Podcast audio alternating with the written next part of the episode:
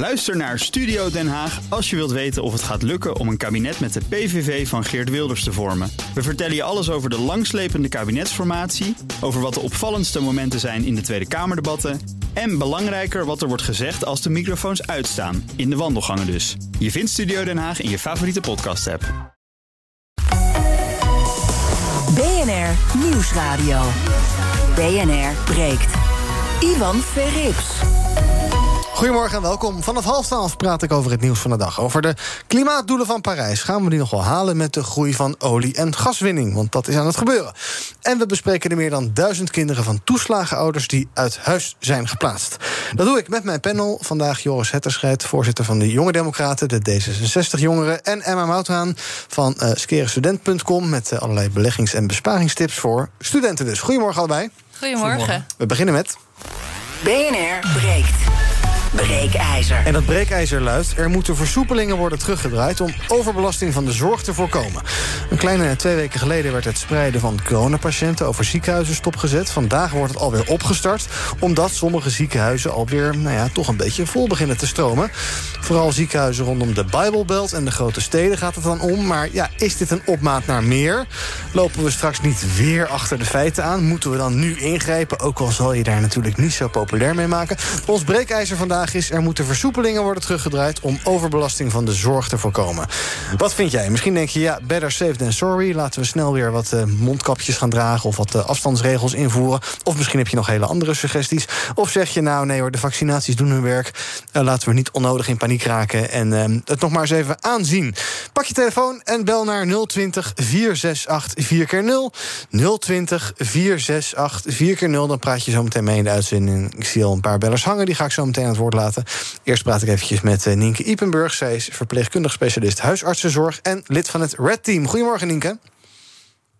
Goedemorgen. Ja, we zien dat sommige ziekenhuizen... Ja, zorgelijke situatie. Ja, en we zien dat sommige ziekenhuizen de instroom van patiënten niet meer aankunnen. Hè. De Isala in Zwolle, Radboud UMC in Nijmegen... die moeten andere mensen afbellen... omdat uh, ja, hun ziekenhuis uh, uh, handen vol heeft aan coronapatiënten.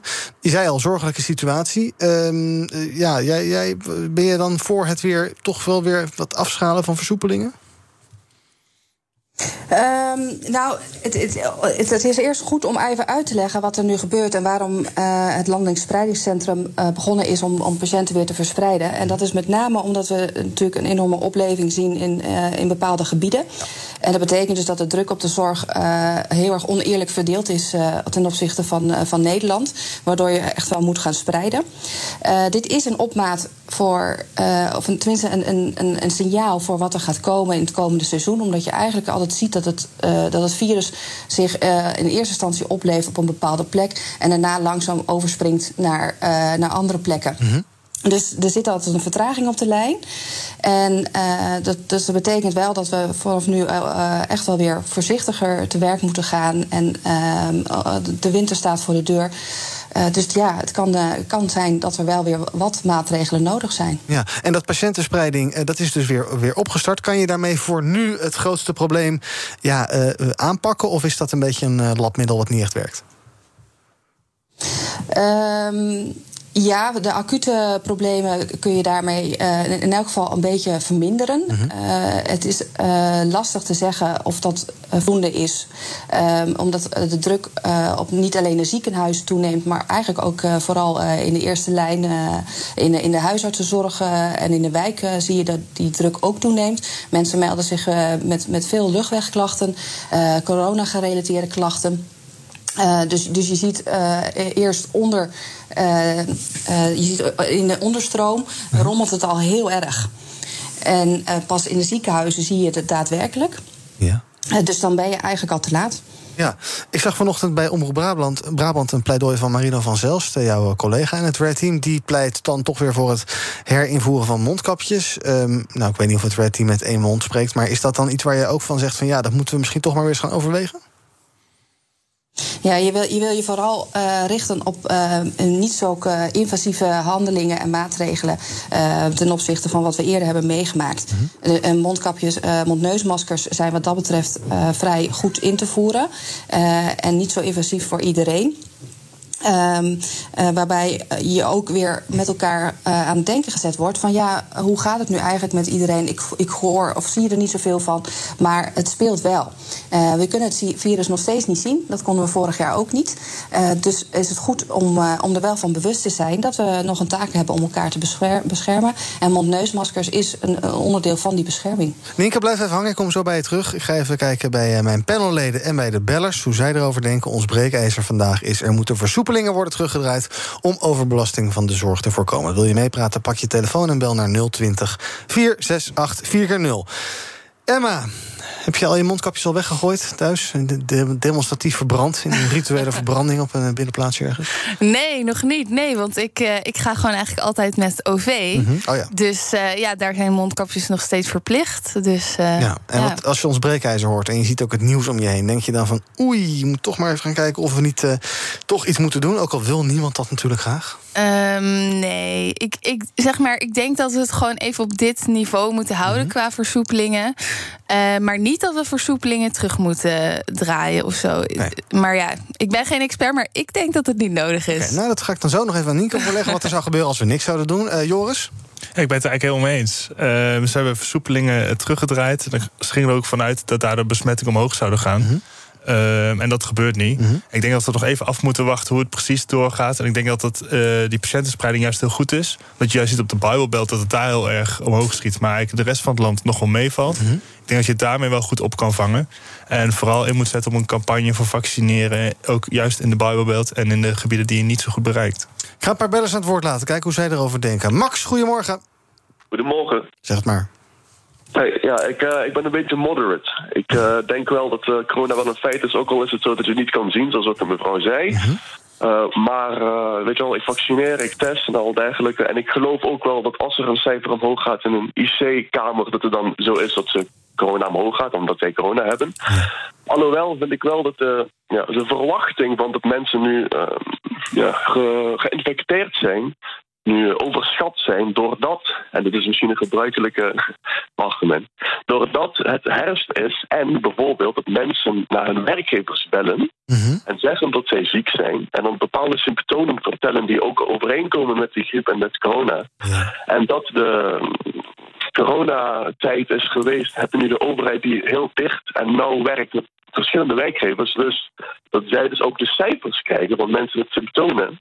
Waardoor er dus een schatting wordt gemaakt van hoeveel mensen het zouden kunnen zijn die corona hebben gehad. Mm, Want het is niet zo -hmm. dat mensen alleen maar uh, testen en dat iedereen dan laat zien: kijk, ik heb corona. Van, oh, dat zijn de vaste cijfers. Ja, nou, dat is een goede vraag. Ik ga zo even aan uh, Nienke dan vragen hoe die cijfers eruit zien. Want ik geloof dat het wel echt gaat om mensen bij wie bevestigd is bij de GGD dat ze het coronavirus hebben. Maar dat ga ik zo eventjes uh, voorleggen. Uh, Mirjam, goedemorgen.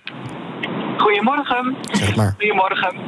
Uh, dank voor dit moment. Um, ik denk dat het inderdaad wel een zorgelijke ontwikkeling is dat uh, het aantal besmettingen weer toe gaat nemen. Dat was natuurlijk ook uh, voorspeld door het RIVM dat we dit konden verwachten in het najaar. Ik vind het ook zeer zorgelijk dat daardoor geplande operaties weer uitgesteld moeten worden. Wat ook enorm gezondheidsschade oplevert. Dus ik denk dat we zeer kritisch moeten volgen of er uh, versoepelingen teruggedraaid moeten worden. En daar ben ik het mee eens dat je natuurlijk dan uiteraard gaat kijken naar versoepelingen die het minste impact hebben en de grootste effectiviteit uh, scoren. En anderzijds vind ik ook dat er nog steeds nadruk moet worden gelegd op het belang van vaccineren.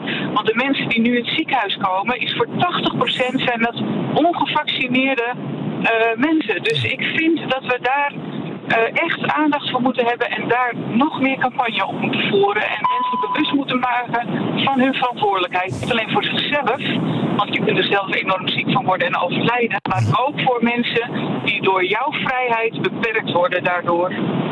Duidelijk, dank voor het bellen. Harry, goedemorgen. Goedemorgen. Ja, ik. Uh dank voor uh, dat ik hier uitgenodigd word. Uh, ik, ja, ik vind het een lastige casus. Uh, zoals de vorige bel ook aangaf, vier van de vijf mensen die momenteel op de IC liggen, die zijn ongevaccineerd. Ga je kijken naar, wil je nu de zorg ontlasten of straks ontlasten, zeker met een aankomende griepgolf die er ook uh, aan zit te komen, dan zeg ik ja, je moet, die beperkingen zijn straks noodzakelijk. Mm -hmm. Maar ik denk dat het maatschappelijk wel een hele lastige boodschap gaat worden. Omdat je gaat zeggen, ja, we doen dit omdat er een groep mensen zijn die zich niet laten inenten. Dus politiek gezien Mhm. gaat het een hele lastige kwestie worden om dit te verkopen aan de, de- aan de maatschappij. Mhm. Dus ik ben heel benieuwd hoe eh, dit kabinet, eh, demissionair of eh, missionair, dit gaat aanpakken. Ja, nou dan ga ik zo even aan de politicus eh, onder ons eh, voorleggen dan... hoe je dit nog in vredesnaam dan zou kunnen verkopen... als je iets eh, gaat eh, toch verzwaren. En Nienke, eh, wat, zou, er- wat zou er gebeuren als... want er worden net eventjes eh, eh, Emma zeggen... die zei van ja, ik ben eigenlijk niet zo'n voorstander van... toch weer terughalen van, eh, van maatregelen. Stel dat je niks zou doen. eh, ik weet, jij hebt ook geen glazen bol hoor... maar wat, wat zou er dan gaan gebeuren? Eh, nou, ik ben eh, het afgelopen jaar eh, regelmatig beschuldigd van dat ik wel een glazen bol heb. Oh, nou kijk er dan maar in. Nee, maar ehm, eh, wa- wat realistisch is, is dat we, dus als je kijkt ook naar de modellen die het OMT eerder al gemaakt heeft, op basis van de, de versoepelingen die gedaan zijn, dan zie je eigenlijk dat we qua ziekenhuisopnames al aan de bovengrens zitten van, van die modellen. En dat is ongelooflijk zorgwekkend. We zien tegelijkertijd zien we ook wel echt wel een, een, een eh, goede eh, toename aan eh, ehm, eh, positieve coronatesten. Eh, veel daarvan blijven gelukkig beschermd en al dankzij ook mede de vaccinaties eh, eh, uit het ziekenhuis. Dus ja, vaccineren werkt. En ja, eh, het is een heel belangrijk onderdeel van, van de strategie om uit deze crisis te komen. Maar we zijn er daar niet, niet voldoende mee. Ehm, dus eh, als je nu kijkt naar, naar de modellen en eh, op de versoepelingen zitten we aan een bovengrens die dusdanig zorgelijk is dat, ehm, dat je meer nodig hebt dan alleen ehm, ehm, wat we nu doen. Eh, en dat is een hele moeilijke boodschap. Iemand benoemde het net ook al, ook van hoe, hoe draag je dat politiek uit. En dat is eigenlijk, eh, zou je, eh, in de basis zou je daar nog heel veel mee kunnen. Dus als bijvoorbeeld ook weer de testbereidheid toenemen, doen laten toenemen. Eh, omdat je we dat ook wel heel erg zien wegvallen momenteel. Wat heel begrijpelijk is, want niemand zit te wachten op zo'n stok in je neus. Nee. Eh, iedereen is corona moe. Eh, maar dat maakt niet dat het corona geen slachtoffers geeft. En het maakt niet dat wij willen dat die druk op de zorg toeneemt. Eh, want alle mensen zijn welkom in de zorg. Ongeacht wat je hebt. Maar de impact is wel gigantisch groot. Ja. Dus ja, wat dat betreft zou ik zeggen: van laten we weer gaan testen, testen, testen. Ja. Dat is onze verdedigingslinie. En je ziet dus Eh, ook bij de huisartsenzorg... dat mensen daar eh, niet meer voor Ja. te porren zijn met zo'n stokje. Nee, het, het, wordt, echt heel erg moeilijk. En, ehm, eh, en dat houdt ook heel veel lijnen bezet. Wat dat betreft, om mensen over te halen van test alstublieft. Dan, dan kunnen wij u ook gewoon zo snel mogelijk zien. En, eh, en als het nodig is, dan zien we u zonder test. Maar dan doen we dat wel beschermd. Dus dan, dan, we moeten ook de mensen in de wachtkamer beschermen. We moeten ook onszelf beschermen. Eh, dus dus je, je ziet dat die testbereidheid afneemt. En ehm, eh, terwijl dat gewoon heel erg belangrijk is op individueel niveau, maar ook op nationaal niveau. Joris, het is eh, nu eh, 20 oktober. Eh, Hugo de Jong is net afgetreden als minister van Volksgezondheid. Even bij wijze van spreken. En Joris Hetterscheid is aangetreden. Eh, hoe zou je het gaan verkopen als, je dan toch, ja, als we toch verzwaringen moeten gaan invoeren? Ik denk dat het niet te doen is. Nee? Ik denk dat je de mondkapjes dat het eventueel nog wel te doen is, maar die anderhalve meter ga je niet meer terugkrijgen. Ik denk niet dat iemand daar nog eh, op zit te wachten, dat iemand dat nog gaat accepteren. Maar als het dan toch nodig is, dan moet je het dan toch doen. Het zou moeten, maar ik denk dat het heel lastig wordt om dat te verkopen aan de mensen. Eh, maar los daarvan, ik denk dat we helemaal moeten stoppen met kijken naar de aantal positieve besmettingen. Want die zijn eigenlijk totaal irrelevant nu als je gevaccineerd bent. Je eigenlijk niet naar het ziekenhuis gaat. Als er alleen maar gevaccineerden besmet raken, dan gebeurt er in het ziekenhuis vrij weinig. Echt kijken naar hoeveel mensen in het ziekenhuis komen. En, en wat er in die ziekenhuis gebeurt in plaats van naar die positieve besmettingen. BNR breekt. Ivan Verrips. Met in mijn panel de stem die als laatste hoorde was van Joris Hetterscheid... voorzitter van de Jonge Democraten, Emma Mouthaan van skerestudent.com... en je hoort ook Nienke Ivenburg, verpleegkundig specialist huisartsenzorg... en zij is lid van het RED Team. En we praten over ons bre- breekijzer. Er moeten versoepelingen worden teruggedraaid... om overbelasting van de zorg te voorkomen. Wil je reageren, pak je telefoon en bel naar 020 468 4 0 Ik heb nog twee bellers hangen. Paul, goedemorgen. Ja, goedemorgen. Ja, wat ik een beetje mis in de discussie is dat ik ook deels denk dat uh, vanwege verkeerde communicatie en juist het invoeren van die coronapas het ook uh, sneller misgaat. Wat je namelijk ziet is dat uh, de vaccinatiegraad is al redelijk hoog en natuurlijke immuniteit nog niet meegerekend. En juist door die coronapas ontstaat een enorme schijnveiligheid. Je ziet dat het aantal gevaccineerde mensen nog steeds besmettelijk zijn, ook al worden ze natuurlijk minder ziek, maar nog steeds ook het virus kunnen krijgen. En wat je juist ziet is dat op het moment dat je dus denkt met een, uh, met een code hè, vrij te zijn, dan wordt er niet gelet op ventilatie. Er wordt veel minder afstand gehouden. Je laat dus geteste ongevaccineerden in dezelfde mogelijke onveilige ruimte als ongeteste gevaccineerden. En dat creëert schijnveiligheid. En het gekke is ook dat je ziet sinds de versoepelingen zijn gekomen, het invoeren van de coronapas gaat het mis. Terwijl in België heb je geen coronapas. En daar zie je dat is ingezet op uh, veel meer zaken als CO2-meting, ventilatie. En daar zie je juist dat het helemaal niet toeneemt, het aantal stijgingen. Dus ik denk dat juist het eh, volledig alleen maar inzetten, wat natuurlijk heel belangrijk is, hè, die vaccinatie. Maar uiteindelijk hou je altijd een groep mensen die het toch niet gaat doen.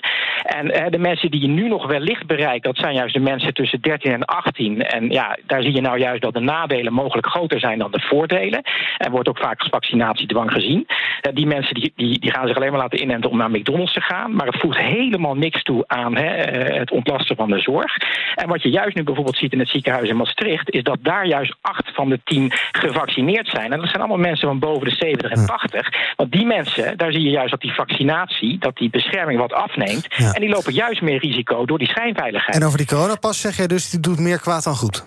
Ja, ik denk, dat is natuurlijk helemaal geen leuke boodschap. Maar ik denk juist dat die afstand, hè, dat heel veel mensen daar helemaal niet zoveel moeite mee hebben. Mits je maar goed communiceert waarom dat belangrijk is. Ik denk juist dat je de verkeerde maatregelen hebt ingevoerd. Namelijk alleen maar heel dogmatisch inzetten op die coronapas. Terwijl dat in mijn optiek een enorme schijnveiligheid creëert. En je zou juist tot slot die mensen moeten bereiken die nou niet willen vaccineren. Juist die mensen die hè, een risico lopen. Mensen boven de 60, 70 en 80.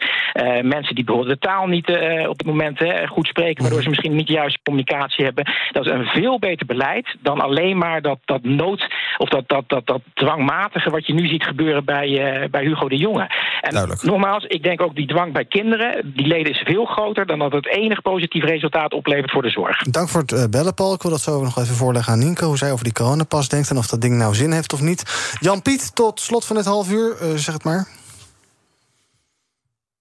Jan-Piet? Hallo. Hallo. Ja, hallo, zeg het maar. Uh, ben ik aan het uh, aan de lijn? Jazeker. Oh, dat is goed. Ja, hallo, je spreekt met Jan Vink uit Den Haag. Ja? En ik zeg altijd erbij, de mooiste stad achter de duinen. Zeker. Uh, ik heb namelijk op een gegeven moment over dat corona gewoon, ja. Ik heb mij zelf twee keer laten vaccineren. Mhm. Omdat, ik, ik ben erop tegen, maar ja, oké. Okay. Uh, je besmet geen andere mensen.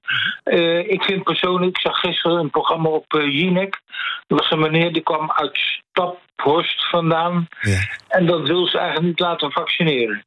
Urk wil ze eigenlijk niet laten vaccineren. Uh, de, bij de gelovige mensen gewoon, daar heerst momenteel heel erg corona. Ja. Ja? Ik zeg, zij komen ook met andere mensen in contact. Dus ik moet eventueel mij eigen aanpassen. Dat doe ik niet. Aan, aan de sukkelsnaar zo. Ik zeg, dat klopt dus niet. Waarom hebben het geloof dat je eigenlijk niet moet laten vaccineren? Ja, dat kan je, dat kan je niet snappen waarom je van, van je geloof dat niet zou mogen. Ja, want uh, ja, ik zeg, ik, ik ben uh, een heidene, ja, dus gewoon een ongelovige hond. Ja. Ja, ik zeg maar, het gaat mij gewoon om de samenhorigheid. Ja. Ja, ja, ik heb hier geen uh, religieus expert, maar het heeft iets te maken, geloof ik, met uh, ja, als, je, als de, de Heer wil dat je dit overkomt, dan moet je dat maar accepteren, iets in die richting. En je moet niet zelf ingrijpen in je lichaam. Maar wat je daarvan vindt, dat mag je uiteraard zelf weten. Dank voor het bellen, Jan-Piet. Een paar dingetjes die ik hoorde die ik nog wilde voorleggen. Nienke, ik zag een van de bellers die had het over besmettingscijfers. Ik geloof dat KPMG in dat rapport vorige week concludeerde dat de overheid juist eigenlijk te veel had ingezet op ehm, sturen op zorgcijfers en te weinig op besmettingscijfers. Moeten we die besmettingscijfers nou links laten liggen of niet? Waar moeten we op sturen? Ik uh, denk dat je de besmettingscijfers absoluut niet moet laten links liggen. Uh, omdat ze zicht geven op, uh, op, op wat er gaat gebeuren. Dus de, de, het spel is veranderd ten opzichte van vorig jaar met de vaccinaties. Dus dat betekent nu dat, dat meer besmettingen minder ziekenhuisopnames geven. Maakt dat even lastig. Is ook een beetje zwart-wit hoor, wat ik nu zeg. Um, maar ehm, overal blijft het, wel, het virus wel een beetje doen wat het al deed. Namelijk verspreiding geven. En, en daardoor treft het ook ook uh, heel veel verschillende groepen. Ja. Dus uh, in dat zicht wil je blijven behouden, zodat je ook weet waar je op kan in, inzetten. En met name ook de mensen zelf, die weten dat ze minder beschermd zijn om wat voor reden dan ook, uh, zichzelf ook kunnen uh, blijven beschermen als het niet lukt met vaccinaties. Dus dat, er zitten twee kanten aan het verhaal, waardoor het wel belangrijk blijft om uh, juist naar de besmettingscijfers te kijken en met elkaar te zeggen van ja, we willen eigenlijk gewoon voorkomen dat die ziekenhuizen volstromen. Ja. Wat nu dus wel al langzaamaan weer een beetje gebeurt. Dus dat, dat, we, we, hebben echt wel de plicht om aan ieder in het land te denken. En dat is niet alleen virusgerelateerd. Mm maar ook voor de mensen waarbij de zorg wordt uitgesteld. Ja. En uh, dus daar, daar ligt wel een hele belangrijke taak nog. Ja, en een moeilijke discussie misschien ook. En dan nog even die coronapas. Dat is natuurlijk een ding dat uh, nou, mensen die daar niet aan mee willen of kunnen doen, om welke reden dan ook, die worden nu buitengesloten van allerlei activiteiten. Als het gaat om uh, restaurants en dergelijke. Ehm, denk jij ook dat dat ding meer kwaad dan goed doet, zoals Paul net dacht? Nou, zo, zo, zou ik het niet, niet helemaal willen stellen. Er is een keuze gemaakt. Er is een politieke keuze gemaakt. Er is gezegd van we willen van, van, die, van die basismaatregelen af, van de anderhalve meter. Uh, en. en uh, daarvoor in de plaats gekomen is die coronapas. Uh, alleen, dat zou, had onder strikte voorwaarden moeten gebeuren. En ehm, waarbij, zoals ook eerder al gezegd is, eigenlijk van je moet mensen meenemen in de communicatie. En meenemen ook in elkaars gedrag. wat heel goed te voorspellen valt soms. En, en dat, dat is niet zo heel goed gelukt. Mensen begrijpen niet zo goed waarom de coronapas is ingevoerd, waarom de andere maatregelen zijn losgelaten. Zijn tegelijkertijd ook heel erg blij Hè, omdat het, ja, vorig jaar, uh, het, het, zijn gewoon, eh, het is nu ondertussen al uh, ruim anderhalf jaar dat we met maatregelen zitten. Dus mm -hmm. je bent ontzettend blij en vermoeid van alles wat er is gebeurd. Dus, dat, en dat er nu dingen veranderen. Maar je moet mensen wel blijven meenemen. En uh, corona echt van de bevolking maken in de zin van niet besmetten, maar wel uh, dat mensen weten wat er speelt. Dank voor jouw poging tot het meenemen van de mensen. Nienke Ipenburg, verpleegkundig specialist huisartsenzorg en lid van het Red Team. Ja, Emma, stel nou dat het toch gaat gebeuren, dus dat er toch weer dingetjes moeten gebeuren, toch weer mondkapjes in supermarkten, of misschien een advies om afstand te houden, dat soort zaken. Ga je er dan wel aan houden, of ben je dan, of is, hangt het bij jou ook af van, nou, leg dan maar uit waarom het echt nodig is? Uh, want ik, ik voelde ook wel enige rebellie bij jou. In de zin van, ik ben er gewoon klaar mee. Ja, Iedereen. Nou. Nee, ja, ik ben er sowieso inderdaad wel klaar mee. Ik zou me er wel zo goed mogelijk aan, uh, aan houden natuurlijk. Um, maar uh, waar ik nog wel even op wilde inhaken... is een van de bellers die had het over uh, testen... en dat, dat ook gevaccineerden nog nou ja, corona kunnen krijgen... en het ook verspreiden. Um, en ik denk eigenlijk van, ja, waarom krijgen niet alle Nederlanders die zelf testen? Volgens ja, mij hebben... toch ergens in een magazijn te verstoffen. Ja. Precies, precies. Volgens mij kreeg elk huishouden aan het begin uh, ergens uh, twee zelftesten of zo per huishouden. Nou ja, daar ben je natuurlijk zo mee doorheen. Ja. Zeker als je een groter huishouden hebt. Maar um, ik zou eigenlijk ervoor willen pleiten om, om, die, om dat meer zeg maar, te, te verspreiden. En meer inzet op testen, ook voor gevaccineerden. Ja, dus stel die dingen lekker gratis ter beschikking. Ja. Zoveel als je wil, bij wijze van spreken. Ja, en, ja, ja. ja, ik geloof dat het de vies nog steeds wel is dat als je echt klachten hebt, dat je dan toch wel bij de GGD moet melden. Maar als je inderdaad zegt van nou ja, ik ga mijn oma be bezoeken en die is wat gammel, dat je dan misschien even thuis een test Ja, ja. en Alright. ik denk ook dat mensen niet zo snel naar de GGD gaan meer, omdat ze denken van ik ben nu gevaccineerd, ja. dus hoef ik niet meer echt te testen. Terwijl dat is eigenlijk natuurlijk niet zo. Alright. Dankjewel. Zometeen praten wij verder. Emma en Joris over uh, het nieuws van vandaag. Ander nieuws van vandaag over de grote problemen met de asielopvangcentra. En we bespreken hoe moreel verantwoord het eigenlijk is om een spelshow te bouwen rondom je studieschuld. En dat je die kan kwijtspelen, letterlijk. Zometeen in het tweede deel van BNR Breekt. Tot zo. Ook Thomas van Zeil vind je in de BNR-app. Je kunt live naar mij luisteren in Zaken doen. De BNR-app met breaking news, het laatste zakelijke nieuws... en je vindt er alle BNR-podcasts, bijvoorbeeld Het Nieuwe Geld. Download nu de gratis BNR-app en blijf scherp. BNR Nieuwsradio. BNR breekt. Ivan Verrips. Welkom terug bij BNR Breekt. In mijn panel vandaag Emma Mouthaan van skerenstudent.com... en Joris Hetterscheid, voorzitter van de Jonge Democraten... maar zelf zegt hij liever JD. Waarom is dat? Ja, ik vind het lekker afkorting. Dat is gewoon, uh, het gaat, het gaat maar snel. Als je JD zegt, weet toch niemand dat het is? Dat klopt. Maar dat jouw wereldje wel, maar... Voor de intimie. Ja, ja, blijf ik, blijf ik gewoon Jonge Democraten zeggen? Ja, mag. Hm? JH? Mijn regisseur zegt, jongen, huh? nou, okay. Ja, dat is mijn afkorting. Oh. whatever. JH van de JD, ja, nu snap ik hem. Oké, we gaan praten over het nieuws eh, van de dag. Uh, we beginnen met het klimaat. In 2015 ondertekenden 195 landen dat uh, klimaatakkoord van Parijs. Er is er nog eentje halverwege uitgedonderd, maar die is toch weer teruggekomen. U weet wel waar het om gaat. Intussen zijn er verschillende landen die hier lak aan hebben.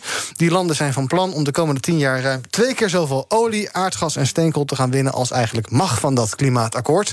Staat in een nieuwe VN-klimaatstudie die een beetje het feestje verpest richting de COP26, hè, de klimaatconferentie van Glasgow, die eind deze maand, begin volgende maand is. Um, ja, we gaan het dus uh, nooit halen. Nou, Joris, maar afzeggen dan die hele COP 26. Dat heeft toch geen zin. Want uh, ja, als we twee keer zoveel uh, olie en gas gaan winnen, dan, ja, dan komen we er toch niet. Waarom zou je dan nog je best gaan doen om het wel te halen? Ik denk dat je hem daarom juist moet houden. Oh. Juist dat ze elkaar aanspreken, dat ze echt die klimaatdoelen moeten houden. Er is net een IPCC-rapport geweest over dat het zo ontzettend belangrijk is. Mm -hmm.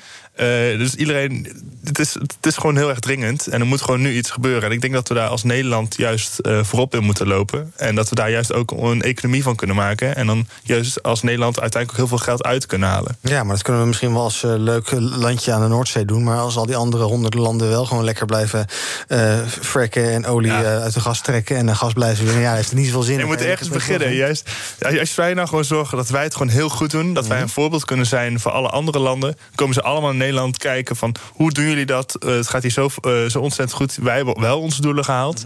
En dan komen zij bij onze bedrijven, komen zij hun, hun dingen inkopen, omdat het hier zo supergoed gaat. Ja, dan kunnen we onze technologieën gaan exporteren enzovoort enzovoort. Dus daar, ja. daar zou je voorstander van zijn. Ja? Maar er is wel een hele grote investering vanuit de overheid nodig. Dus ik denk dat het, het komend kabinet dat echt wel uh, moet aan gaan pakken en juist heel veel geld erin moet gaan stoppen. Ja. Um, ben jij net zo positief gestemd, Emma, als Joris hierin? Of denk je van, nou ja, om een leuk Parijs, maar Parijs is nog ver.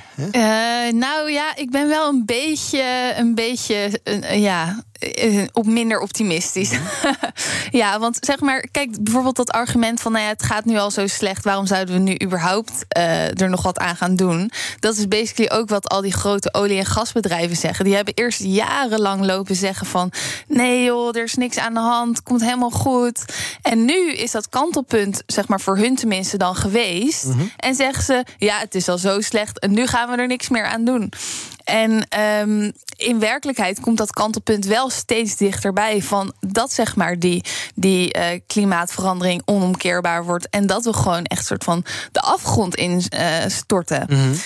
um, en dus denk ik dat het superbelangrijk is dat we wel naar Glasgow gaan en dat we nog veel strenger uh, gaan zijn met onze doelen, maar ook vooral met de uitvoering daarvan. Want in Nederland gaan we niet heel goed. Nee. Zeker als we het vergelijken, vergelijken met andere landen. Nee. Ook Europese landen. Mm. Dus, -mm. In die uh, nieuwe VN-studie staat ook dat als we uh, die anderhalve graad nog zouden willen halen, dan moet, moet er per direct worden gestopt met het verhogen van de productie van die fossiele brandstoffen.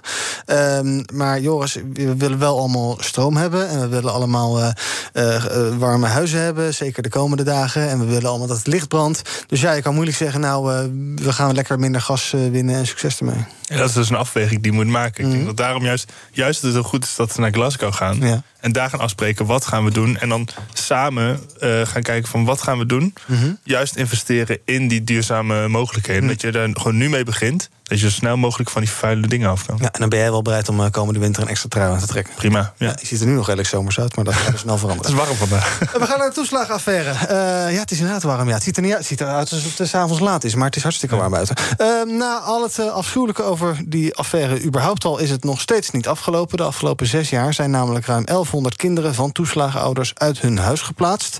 Lilian Marijnissen van de SP die noemt dat een gruwelijke schande. En haar partijgenoot Peter Quint is uh, niet blij met het kabinet. Ja, ik, ik, ik weet niet wat ze aan het doen zijn. Ze zullen ongetwijfeld hard werken, maar de ouders merken er verdomd weinig van. Nou, dat is een korte quote en een duidelijke quote van Peter Quintus. Nieuw hoofdstuk in de toeslagenaffaire, wellicht. Ehm, die cijfers, daar is ook wel een beetje onduidelijkheid over... want het gaat dus om 1100 kinderen van gedupeerden van die toeslagenaffaire. Maar of, die nou, uh, ja, of dat nou allemaal direct samenhangt met die toeslagenaffaire... dat is uh, uit die CBS-cijfers nog niet helemaal duidelijk. Wat concludeer jij eruit, Emma? Ja, verschrikkelijk. Echt absoluut verschrikkelijk. En wat ik vooral heel schrikbarend hier aan vind, is dat dit is vanaf 2015. Maar de toeslagenaffaire loopt al sinds 2004. Mm -hmm. Dus dat betekent dat er nog veel meer kinderen dan dit waarschijnlijk uit huis geplaatst zijn. Um, wat toch waarschijnlijk wel deels samenhangt met die toeslagenaffaire. Want ook al zou je kunnen zeggen van ja, die toeslagenaffaire, hè, geldproblemen, zorgt niet per se meteen direct voor een slechte leefomgeving voor kinderen kinderen. En uh, is daarom niet direct een aanleiding voor hun om uit huis geplaatst te worden. Maar ja, iedereen weet natuurlijk ook wel dat als je ouder, als ouder zijnde zeg maar uh, geldproblemen hebt, dat dat heel veel stress met zich meebrengt. En ja, dat kan zich wel op bepaalde manieren uiten dat die kinderen misschien ofwel direct ofwel indirect in een slechtere thuisomgeving terechtkomen. En ja, ja dat is gewoon verschrikkelijk. Weet ja. je, dit had gewoon nooit moeten gebeuren. En ook die compensatie die duurt zo lang. Het is echt niet oké. Okay. Is dit eigenlijk, Joris, misschien nog wel, uh, nou, ik zou bijna zeggen, erger dan al het voorgaande? Dus dat er, uh, ja, dat, uh, nou, ik zou bijna zeggen dat volwassenen naar de kloten zijn geholpen. Dat is, nou ja, niet zozeer tot daar aan toe, maar je snapt wat ik bedoel. Maar dat dus ook, ja, die kinderen hierdoor waarschijnlijk, mogelijk direct dan wel indirect geraakt zijn.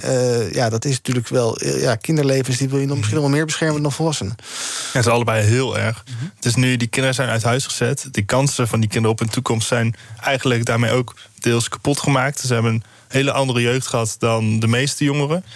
Um, nadat de overheid ze, ze financieel kapot heeft gemaakt, hebben ze ook nog persoonlijk kapot gemaakt. Maar het is eigenlijk, een, eigenlijk de schuld van de overheid. En daar bedoel ik mee de kabinetten van de afgelopen 15 jaar, maar ook de Kamer de afgelopen 15 jaar. Dus ik vind het een beetje hypocriet dat sommige politici die er al heel lang zitten, allemaal heel boos zijn op het kabinet. Terwijl ze zelf ook hebben ingestemd daarmee. Ja, ze waren er zelf bij. Ja, ja, en ik denk dat nu moeten we gewoon alles inzetten dat, uh, dat het weer wordt gecompenseerd. Alleen de persoonlijk leed kun je niet compenseren. Dus ik vind het echt, echt heel erg. Ja, uh, ik geloof dat er een oproep is vanuit uh, het lid Omtzigt, CDA, SP, ChristenUnie Denk... om met een plan te komen hiervoor, om een toelichting te geven. Ook de manier waarop deze cijfers er weer naar buiten komen... dat is weer niet helemaal mm. oké, okay, want het is niet door het kabinet naar de Kamer gestuurd... maar het is een of andere handige Harry die een beetje op de CBS-site zat te googlen... en te frotten en die dat dan boven tafel haalde. is dit inderdaad het zoveelste ja, bewijst dat, uh, nou ja, bijna een soort doofpotachtig idee krijg je ervan. Hè? Dat de cijfers achter uh, onder tapijten geveegd moeten worden en maar niet gezien moeten worden. Ja, het idee krijg je bijna wel. Maar het is, nu zijn ze natuurlijk aan het inzetten op die compensatie. Maar de Belastingdienst is zo'n log systeem dat het bijna niet te doen is. Ze zijn al volgens mij vorig jaar mei of zo, of afgelopen mei, mm -hmm. zouden alle ouders 30.000 euro krijgen. En een fractie daarvan heeft het gekregen. Het is gewoon, de hele Belastingdienst is zo'n grote puinhoop. Er moet echt, echt echt hervormingen plaatsvinden. Ja, um, wat ik al zei, het CBS kan niet één op één causaliteit uh, aantonen. Zegt van ja, het gaat om, om zoveel uh, kinderen bij, bij die ouders. Maar ja, die link één op één is niet te leggen. Uh, het CBS zegt ook, er is geen verzoek om nog meer onderzoek hiernaar te doen. Ik denk dat dat wel moet gebeuren, Emma. Ja, ja, dat lijkt me wel verstandig. Maar aan de andere kant denk ik ook wel van... ja, onderzoek doen is één ding... maar misschien moeten we ook eens even wat meer... die mensen die hier ook echt daadwerkelijk... en ook die kinderen die hier daadwerkelijk de dupe van zijn geworden, hun aan het woord laten. En hun eens even laten vertellen van wat er nou in hun situatie is gebeurd. En ja. hoe wij hun uh, kunnen helpen. Want al, ja, weet je, de Tweede Kamer kan wel bedenken van ja, de Belastingdienst moet uh, uh, geld gaan geven aan de mensen die hier gedupeerd van zijn mm -hmm. geworden. Maar misschien zeggen die mensen zelf wel van nou ja, we zijn eigenlijk veel meer gebaat bij dit of bij dat of ja. bij zus of bij zo. Ja, alleen tegen de staat gezien? Ja. Pff. Bizar. BNR breekt. Thomas van Zel die stond net met zijn rug naar mij toe... maar is inmiddels met zijn voorkant naar mij toe gedraaid. En welke kant vond je beter? Goedemorgen. De voorkant, Thomas. Dank je um, Zometeen om 12 uur presenteer jij zaken doen. Met wie ga jij praten? Met Steven Lagerwij. Hij is de topman van Vivantis. Dat is een bedrijf met verschillende makelaarskantoren daaronder. En met hem praat ik uiteraard over de situatie op de woningmarkt. De plannen van Klaas Knot onder andere, van de Nederlandse Bank... om uh, huiseigenaren anders te belasten, vermogens anders te gaan belasten, de opgelopen hypotheekrente, andere plannen om ervoor te zorgen dat die markt misschien toch wat minder oververhit raakt. En het idee misschien toch ook wel proberen te weerspreken dat makelaars hier de grote winnaar van zijn, want er zijn steeds minder transacties. Dus ook die makelaars zijn hier niet ontzettend blij mee met de huidige situatie. We praten over de vermoedelijke naamswijziging van Facebook. Oh ja. Jawel, zeker weten. Wat geldt daar nu precies achter? Eh, het lobbypanel is er en ik praat met iemand die erin geslaagd is om 110 miljoen euro op te halen voor een nieuw fonds. Dat wordt geïnvesteerd in maatschappelijk verantwoorde start-ups. Wat is dat precies, een maatschappelijk verantwoorde start-up? En ja, ben je er zaken doen of niet, valt er dan ook nog een beetje geld mee te verdienen? ja. ja, dat lijkt me wel een goede vraag. Dus dat en meer. Leuk. Zometeen. Zometeen 12 uur, twee uurtjes lang zaken doen hier op BNR. BNR breekt. Nu nou een idee waarom Facebook een nieuwe naam wil. Het moederbedrijf van Facebook. hè, Het, het, het platform Facebook blijft dan wel, maar het moedertje krijgt een andere naam. Is dat om eh, een beetje. Ik denk een beetje imago uh, schoonspoelen. beetje. wassen? Ja, Ja. ik denk het wel, ja. Nog suggesties voor namen? Geen idee. Misschien Hives. MySpace. MySpace, ook een goed succes. Nou, we even kijken. Ehm, we gaan kijken naar wat jullie is opgevallen in het eh, nieuws vandaag. Eh, Joris, jij wilde het hebben over de asielzoekerspiek. Ja, daar horen we al dagen over. Leidt tot problemen. Artikel in NRC vandaag. Eh, vertel. Ja, niet alleen de piek is een probleem, maar nu ook de asielcentra zelf. Eh, in dat artikel staat dat eh, bijvoorbeeld in Ter Apel... daar hebben afgelopen nacht 750 mensen geslapen... terwijl het normaal plek is voor 275 mensen. Die wc's zijn goor, de mensen slapen in, in de drak. Dit, dit, gaat niet. Vier, vijf, eh, zes jaar geleden zagen we precies hetzelfde... met al die vluchtelingen. En de overheid heeft de afgelopen vier, jaar, vijf jaar niks gedaan. Ik vind het echt heel erg. Nu, nu moeten we allemaal weer noodtenten gaan opzetten... en nood, noodgebouwen gaan gebruiken. Sporthallen. Ja, waarom moeten we dat nou gaan doen? Moeten we niet gewoon inzetten op dat er sowieso... gewoon inzetten dat er meer plek komt... dat, die mensen, dat we die mensen normaal kunnen opvangen... in plaats van dat ze nu in de drek moeten zitten. Ja. Normaal moeten ze drie dagen wachten op een gesprek met de IND... en nu moeten ze drie weken wachten. En, en zolang ze moeten wachten... kunnen ze niet doorgezet worden naar een andere plek. Dus nu zitten ze in Ter Apel... In, eigenlijk in de scheid, letterlijk. Te wachten tot eh, over drie weken gesprekken. Ja, dat, is echt onmenselijk. Burgemeesters hebben wel toegezegd dat ze meer plekken gaan regelen. Maar dat is waarschijnlijk ook een eh, druppel op een gloeiende plaat. Ja, maar dit is ook iets wat structureel echt moet veranderen. Je, zes jaar geleden gebeurde precies hetzelfde. En ze hebben er niks van geleerd, omdat gewoon heel veel partijen niet willen zien dat vluchtelingen eh, een plek moeten krijgen. En dat wij er ook een steentje aan bij moeten dragen als Nederland. Ja, maar zou je dan zeggen dat je die afgelopen jaren, toen die instroom niet zo hoog was als nu, dat heeft natuurlijk onder andere met Afghanistan te maken, eh, had je ook dan een eh, capaciteit van bewijzen van spreken 300, 400 procent moeten hebben en allemaal leegstaande panden overal? Dan had ik de krantenkoppen ook weer voor me gezien. Van oh, leegstaande pa- panden, COA kosten miljoenen. Maar je van moet het achter de hand hebben. Het moet makkelijk zijn om het op te kunnen zetten. En in plaats van dat je nu van die tenten gaat opzetten en dat mensen in eh, hele slechte omstandigheden in een asielzoekerscentrum moeten gaan zitten. Ja, en eh, eh, ja, je moet dus makkelijker kunnen opschalen. eh, en niet Ja. van het marginale uitgaan, zoals we in Nederland heel vaak doen. Ja, precies. Nou, een beetje hetzelfde als, als we zien met de IC-bellen. Daar moeten we gewoon misschien structureel gewoon meer bij. Mhm. Eh, mijn suggestie voor de, voor de regering nu. Eh, ik hoorde dat eh, een, een vliegveld in Lelystad nog een, ter- een lege terminal heeft. Oh ja. ja. in plaats van dat ze daar in de scheid zitten, kunnen ze misschien daar ook nog eh, Ja. Eh, normaal zitten. Dak boven de start- en landingsbaan. En je hebt nog een paar bedden erbij. En maar er zijn natuurlijk mensen zat die zeggen van ja, eh, dat zijn misschien een beetje de. Ik heb op Facebook gelezen dat Nederlanders die eh, kunnen niet eens een huis vinden en alle huizen gaan naar asielzoekers enzovoorts enzovoorts. Ja, ehm, wat zei je? Ja, verschrikkelijk. Ja, dat, ik dacht al dat het zoiets was. Ehm, zou er, eh, eh, eh, verschrikkelijk zegt Joris, ehm, eh, dus, ja, die mensen moeten natuurlijk allemaal een dak boven het hoofd hebben. Het is natuurlijk wel een grote uitdaging voor Nederland. Ehm, eh, hoe moet je ermee omgaan? Eh, nou, pardon. Ja. Ik denk dat er sowieso veel meer eh, huisvestingruimte moet komen. En als die nou als flexibele huisvesting wordt ingestoken, dan kan die tijdens periodes zoals dit bijvoorbeeld gebruikt worden voor eh, vluchtelingen om die op te vangen.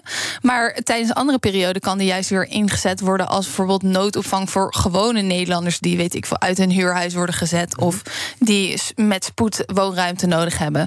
Eh, en, en als je het dus zeg maar op die manier ook bouwt, dan kan je het dus flexibel gebruiken. En dan heb je dus ook niet eh, leegstand. En dan, nou ja, het lijkt eigenlijk dat, dat je zeg maar twee vliegen met één klap eh, kan eh, hebben. Ja, en de iets wat makkelijke populistische opvatting die je dan hoort... ja, maar mijn zoon of dochter van 28 die kan nog geen huis huren en niet kopen... en al die vluchtelingen krijgen wel een huis? Ja, weet je, die mensen die. Ja. De- de- al die vluchtelingen die hebben hun thuisland al verlaten. En eh, weet je, die mensen die dat zeggen, die zijn vaak zo dol op Nederland. Die zullen Nederland ook niet zomaar verlaten. Dus misschien moeten ze er een keer op die manier naar elkaar gaan kijken. Maar ze komen vast niet voor de lol. Eh Ankie Broeker-Snol die moet dit gaan oplossen. Heb je vertrouwen in haar dat, eh, dat gaat gebeuren? Waarom moet jij nou lachen? Vertrouwen in Ankie Broeksknol vind ik, eh, vind ik humoristisch. Nee, eigenlijk niet. Ik hoop dat we snel eh, een nieuw kabinet hebben... met een, eh, met een goede staatssecretaris op eh, migratie. Emma, jij wilde het hebben over John de Mol. Die komt met een nieuw programma. Het lijkt een beetje op... eh, Squid Game. John de Mol die komt met een show waarin kandidaten met een hoge studieschuld met elkaar gaan strijden om daar vanaf te kunnen komen. Ga je meedoen? Ik heb me wel ingeschreven, ja. Om, ja. Het, om het helemaal belachelijk te maken daarna. Vind je het een belachelijk idee of niet? Ik vind het wel een belachelijk idee, ja. Maar ik heb me wel ingeschreven. Uh-huh. En dat is denk ik ook wel precies de reden waarom ik het erover wilde hebben. Want ik denk van mensen met een hoge studieschuld, zoals ik zelf, tienduizenden euro's. Mhm. Ehm, weet je, als ik zo meteen ben afgestudeerd, dan kan ik niet meer in mijn studentenhuisvesting wonen waar ik nu woon. Eh, Ik kan waarschijnlijk niet huren, want eh, daarvoor verdien ik waarschijnlijk niet genoeg. Nou, kopen is al helemaal uit de boze, omdat ik dus die studieschuld heb. Ja. En eigenlijk word je dus op die manier soort van gedwongen om, nou ja, best wel extreme dingen te gaan doen voor geld. En weet je, dit is iets wat je dus bijvoorbeeld ook ziet in Squid Game, maar ook bijvoorbeeld die dansmarathon van afgelopen weekend, waar mensen 50 uur moeten dansen om eh, wellicht een ton te, te verdienen. Dat is eigenlijk gewoon echt niet oké. Nee. Is John de Mol een beetje ziek in zijn hoofd geworden met dit soort formats? Ehm, nou, zover zou ik niet gaan. Maar ehm, weet je, misschien moet hij er ook eens een keer op een andere manier naar kijken. En denken van, nou ja, weet je, als ik die mensen graag wil helpen, eh, misschien kan ik dat op een ander op een andere manier doen. En niet als, als soort van leedvermaak. Ja, Joris, ehm, je studieschuld eh, wegpoetsen op een, eh, met een leuke spelshow, is dat eh, een goed idee? Dan denk ik niet. Hij maakt gewoon gebruik van een, een probleem in de samenleving. En daar gaat hij dan een leuk programma omheen bouwen. Dat lijkt me een heel. eh, ik vind het een beetje, een beetje naar om te zien. Weet je hoe het spel eruit zou moeten zien? Hoe, hoe zou het in zijn werk gaan? Dat is veel onduidelijk nog. Hè? Hoe heet Ja. het? Eén van één of de vier of zo heet het? Eén Ja, van de vier is genoeg of vier zo? is eh, bier, drie bier. Nee. Ja, zoiets. mijn studieschuld is wel hoger dan vier. Dus ik hoop nou, we moeten maar even afwachten. Als je, wordt, eh, eh, als je mee mag doen, moet je wel vertellen. Hè? Ja, ja. Dan gaan we hier uit de school klappen hoe het, eh, hoe het loopt. We gaan even kijken wat de trending is op de socials. Hashtag toeslagenschandaal, hashtag toeslagenaffaire... en ook hashtag 1015 kinderen is trending... vanwege dat nieuws van net dus. Hashtag COP26 is trending. heeft natuurlijk te maken met eh, de klimaattop volgend weekend in Glasgow... en eh, de dagen daarna. En hashtag, Ajax is trending. Ajax won gisteren met 4-0 van Borussia Dortmund... en de trainer van Dortmund had maar één ding te zeggen... Herr Rose, was, was denken Sie nach einem Abend wie heute? Scheiße. Dank. Graag gedaan. En dan nog even opmerkelijk nieuws uit Limburg.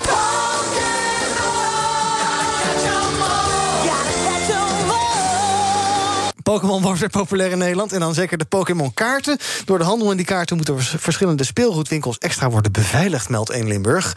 Die kaarten kunnen namelijk nogal wat opleveren. De duurste Pokémon-kaart is natuurlijk van Pikachu. Vorig jaar voor 233.000 dollar verkocht. Heeft iemand nog Pokémon-kaarten liggen hier in de studio? Nee, volgens mij niet. Ik volgens mij ook niet. Maar het zou een goede manier zijn om eh, mijn studieschuld af te betalen. Ik wou net zeggen, en maar eens studenten die gaan dus even kijken of ze nog eh, Pokémon-kaarten Ja. ergens onder bed hebben liggen.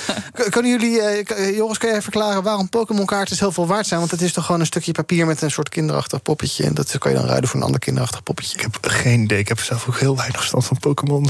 Maar ik denk, het is gewoon wel iets wat terugkomt elke, elke zoveel tijd. Ik denk dat het heel mooi is om, om te zien dat zo'n makkelijk spelletje eh, zo vaak terugkomt bij Ja. de jongere generatie. Snap jij de aantrekkelijkheid van Pokémon? Ja, nee, ja. Ik vind het leuk, maar het is niet iets voor mij. Ja. Ik hoop dat knikkers ooit weer hip worden en veel waard. Heb ik nog iets uit mijn uh, kindertijd.